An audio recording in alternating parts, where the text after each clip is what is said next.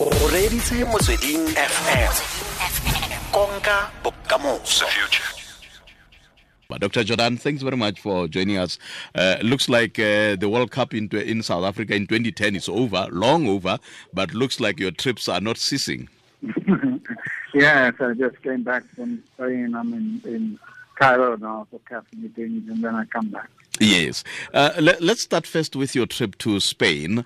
Um, we looks like we, we, we are busy. If you were a government, we shall be saying that you are uh, installing embassies, but uh, you are installing friendships in this case. What are we hoping to benefit out of all this? Well, you see, we, we have our program uh, as outlined in Vision 2022.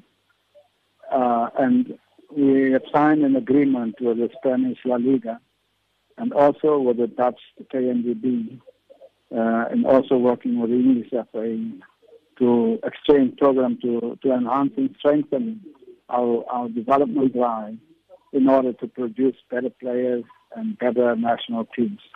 Uh, and that, that's part of it. and of course, we know that the La Liga is probably the biggest and the best league in the world. They have uh, two of the best teams in the world, Real Madrid and Barcelona. Mm-hmm. Uh, those teams have produced over the last 10 years players that have been voted the best player in the world every year over the last 10 years, and even players second and third. And um, was dominated, of course, by yeah. Messi and Ronaldo, but Xavi, Iniesta, um, they were all there. And even when Cannavaro played there, he was also voted uh, Player of the Year, World Player of the Year. So yes. from uh, from that perspective, uh, it's clearly uh, the best league. Also, in terms of winning major competitions like the UEFA Champions League and the, the FIFA World Cup, uh, their teams have won those trophies consistently. Mm-hmm. Uh, and lastly, we looked at the, the embassy, uh, the, the academy that produced those players. Uh, and, and that's where we, we yeah. felt that we, will come uh, back. Such cooperation and partnership with the league. Yes. Such we, cooperation and partnership with La Liga will certainly help South African football. We'll, we'll come back to that, Dr. Jordaan. Uh, if you could just stay on the line for us, we're just going commercial for 15 seconds.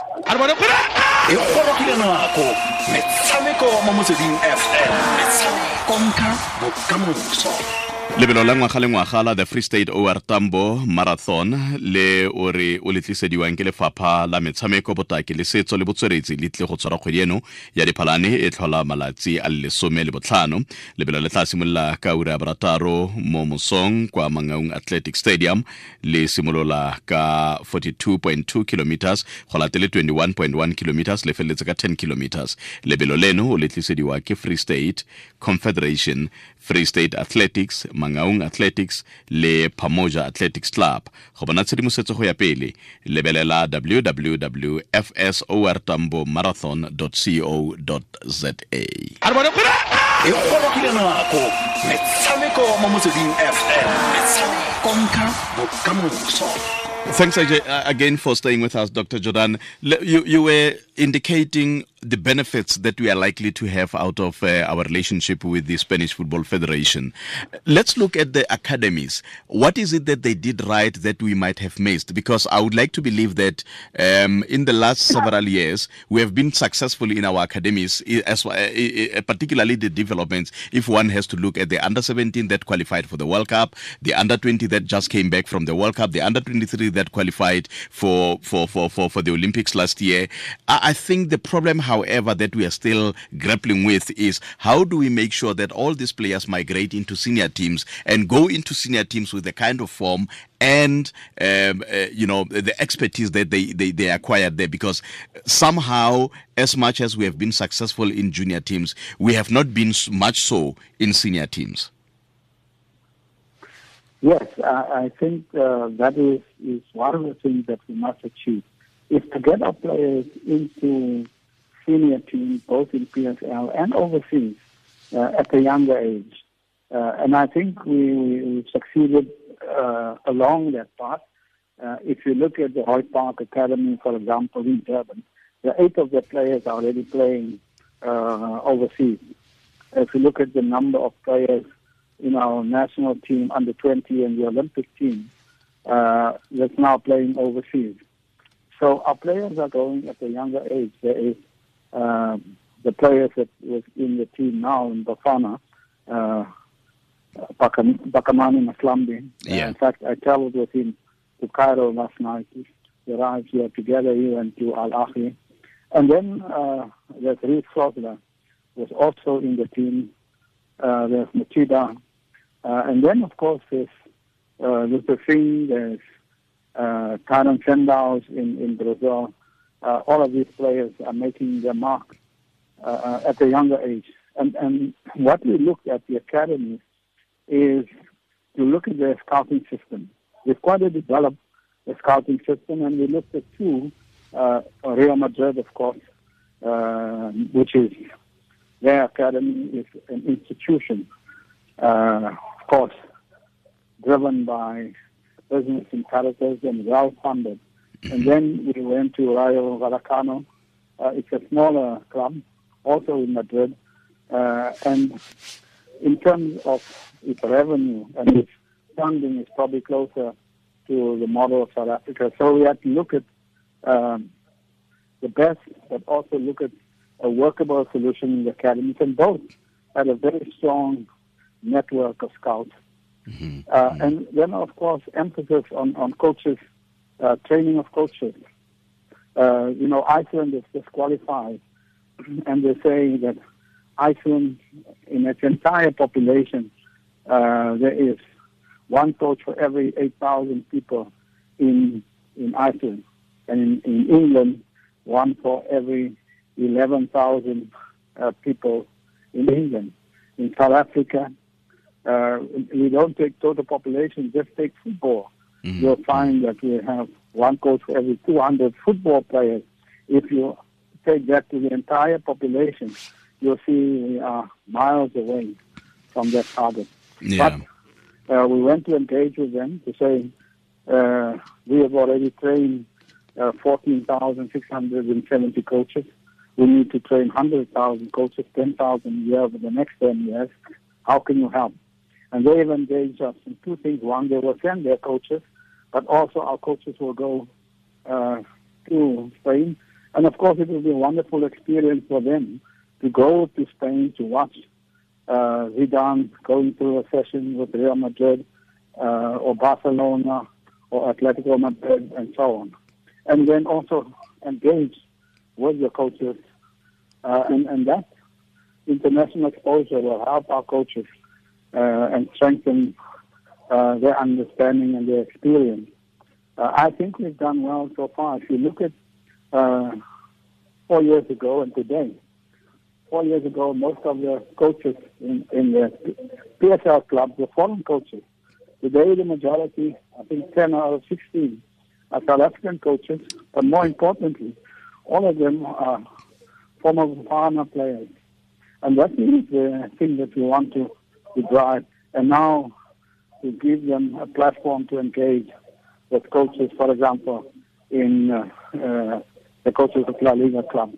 And I would, Go I would, to I would the academy and see what happens there. I would think you would you would also want to add that uh, they are very successful because if you're looking in the last three four seasons. Uh, our coaches have been winning trophies here.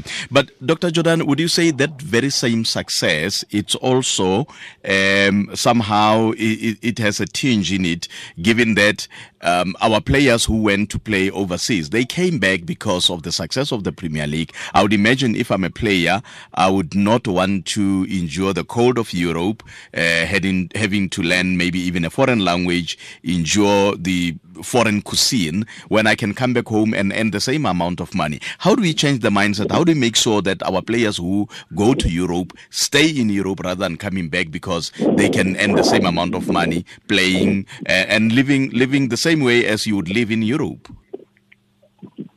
No, I, I think that may be part of it, but part of it also is that we look at the fact, uh, the reality that many of our, our players could not uh, uh, get into the starting lineup of the clubs in Europe. And many of them, as a result of that, have lost their places in the final. Uh, and I can mention some of them. But uh, I think if you want to be the best in the world, you must compete uh, against the best players in the world.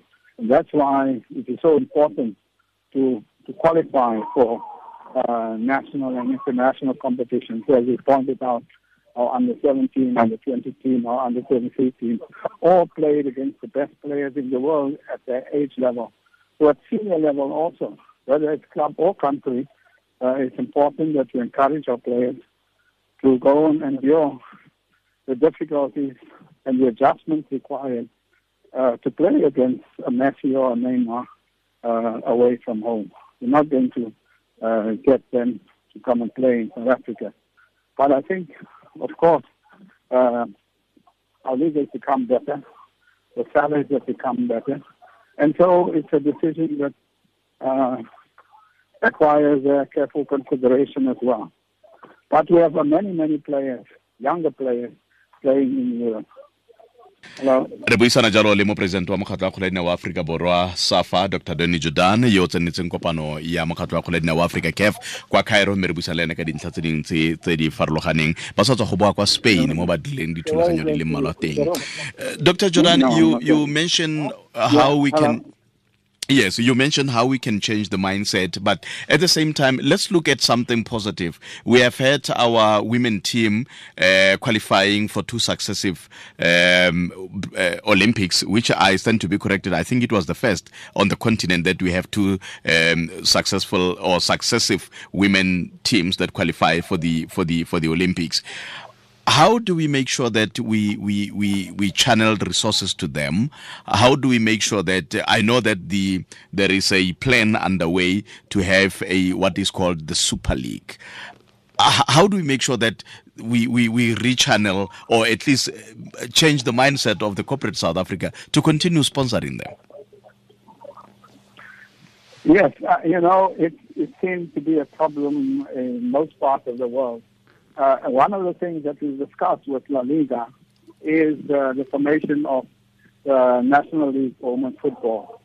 And uh, they made quite a good presentation to us. In fact, we're going to invite uh, the people in charge of women's football in Spain to come to South Africa to further engage with our NEC uh, and then see to what extent we can accelerate the program. But the question of funding is, is a problem uh, also for them.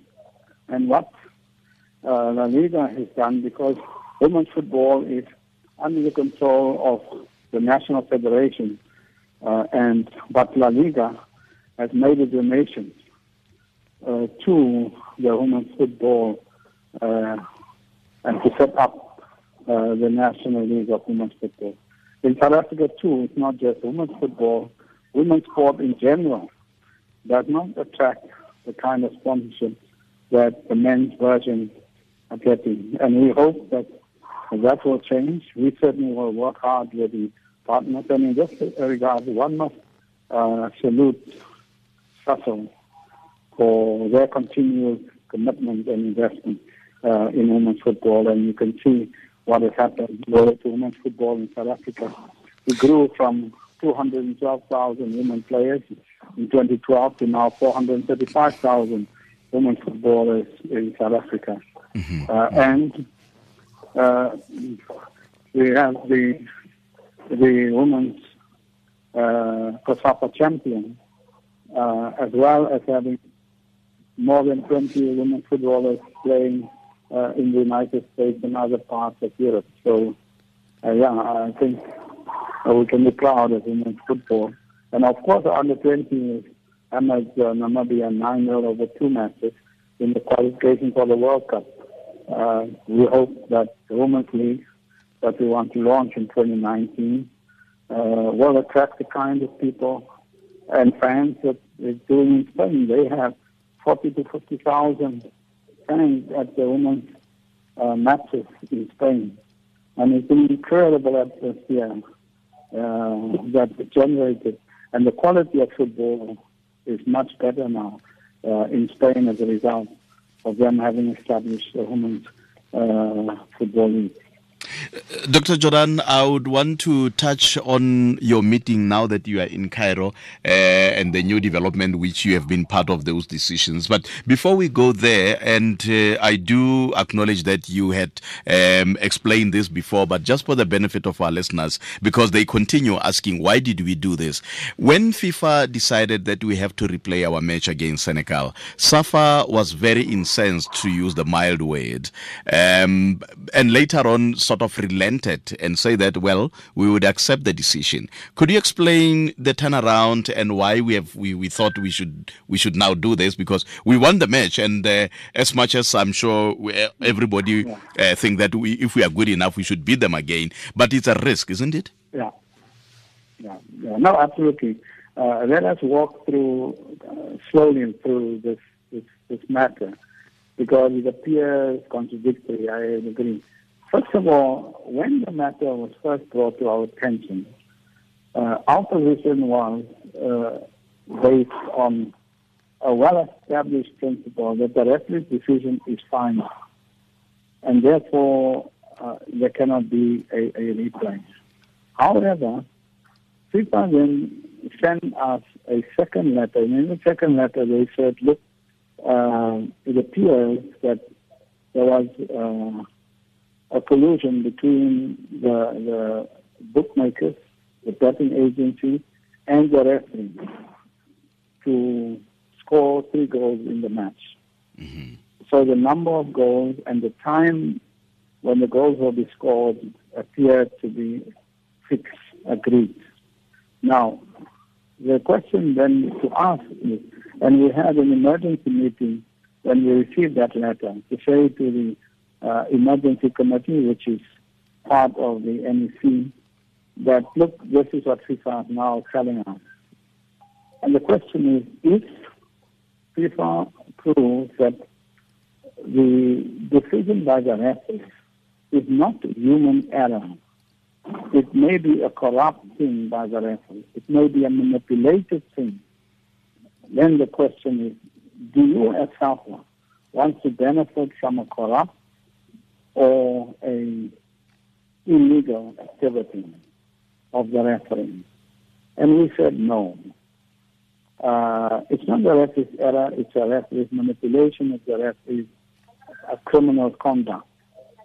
And therefore, you cannot say that if the referee acts in a criminal way, that the referee's decision is final. But uh, this matter it's not over. Yes. It appears because the referee has gone and challenged that set of facts from FIFA. Those, so that matter is before CAF. Then Burkina Faso also went to take the matter to CAF. Uh, and so now we have to wait. So if uh, in in the court, the court finds that what FIFA uh, used as a basis for their decision is not correct. Then, of course, the FIFA decision will not stand. In that case, we are depending on the facts that FIFA sent us. But if those facts are not correct, uh, as uh, challenged now by both the referee and the Faso, uh, then of course um, we have to accept that uh, the original position reverts, and that is that there is no replay and, and, and South Africa must get the three points.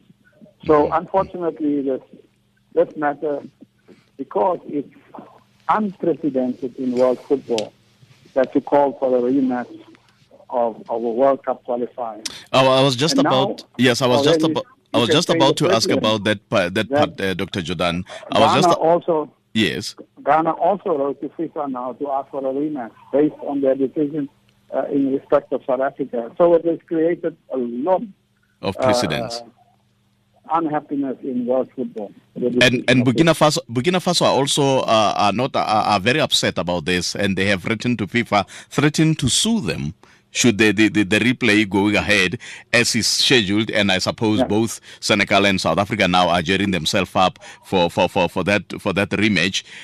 now there is also a, a, little matter of Burkina Faso who now stand to lose.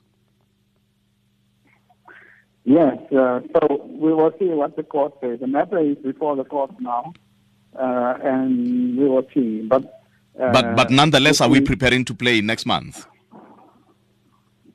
Yeah, but that's why the the, the court must settle the matter uh, as soon as possible. Do you? Uh, and it is basically what FIFA presented to us. Those facts uh, must be presented, and uh, if the court says that those are not the correct facts, then we have to accept that.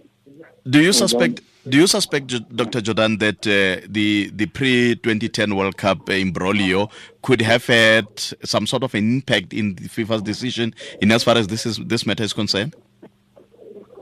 No, no, absolutely not. Okay. Absolutely not.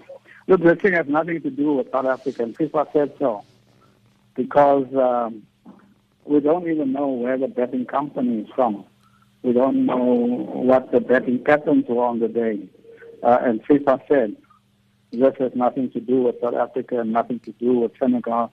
It's a matter between uh, FIFA, the referee, and the betting agencies. Okay.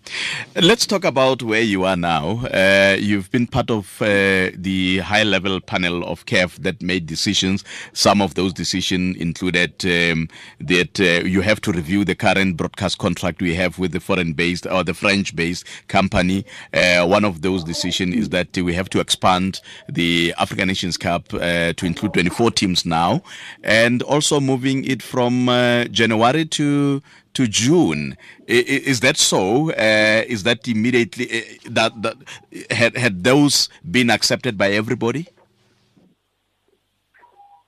Yes, uh, that has been approved by the uh, CAF Congress in, in Morocco. We had a Congress in Morocco. It was presented there and approved. Um, as far as the uh, CAF or AFCON is concerned, uh, there will be now 24 teams. There are 12 groups playing for AFCON qualifiers. So two teams out of each group were qualified for AFCON 2019. Uh, and of course, uh, Morocco, uh, Cameroon uh, has been appointed as the host.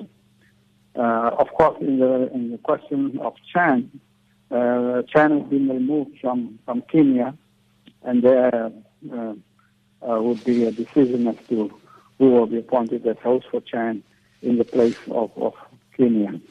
So uh, it's a, as far it, as the season is concerned, yeah.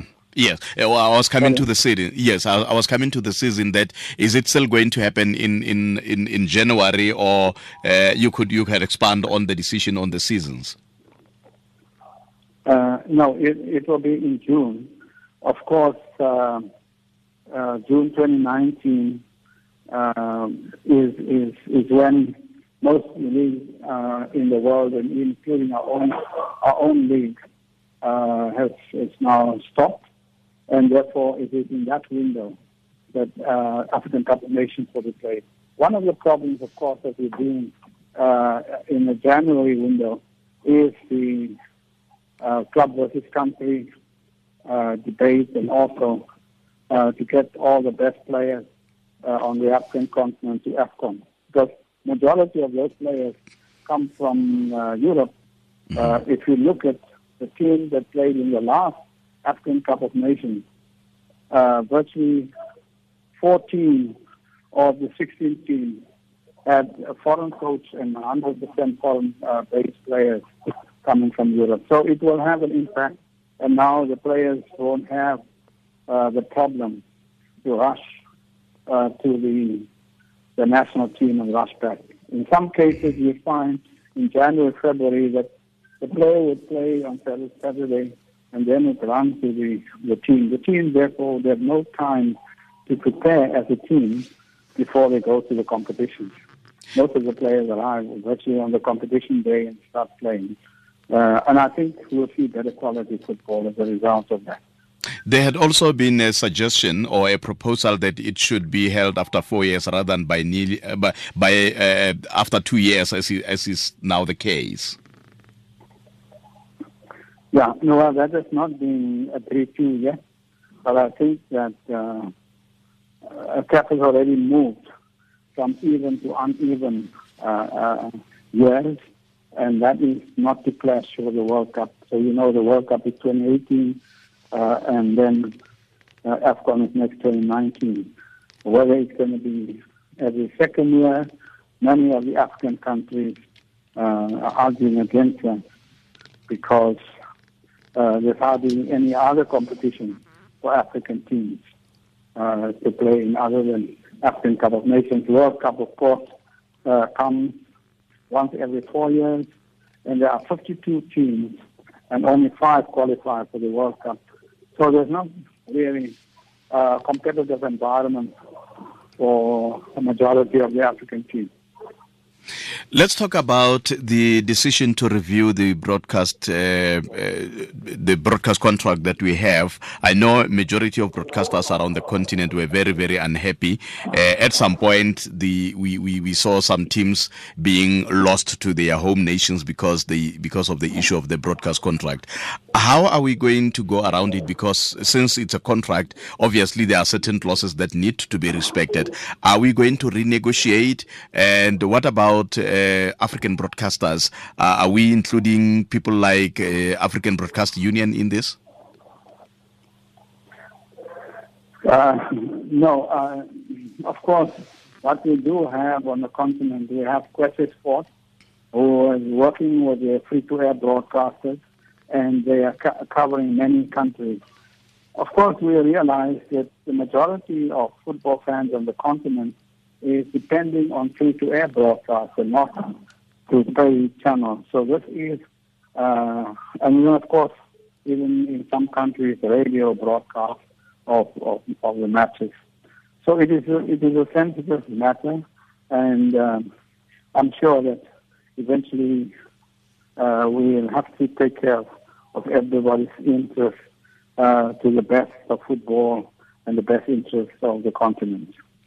Dr. Jordan, it's always a pleasure. I wish you you were here at home. We really, uh, I think you're very busy. So every time we get hold of you, there are so many things that you have to cover in the very short space of time. But nonetheless, once again, we really do appreciate your time. Uh, thank you very much. Th- thank thank, you. you.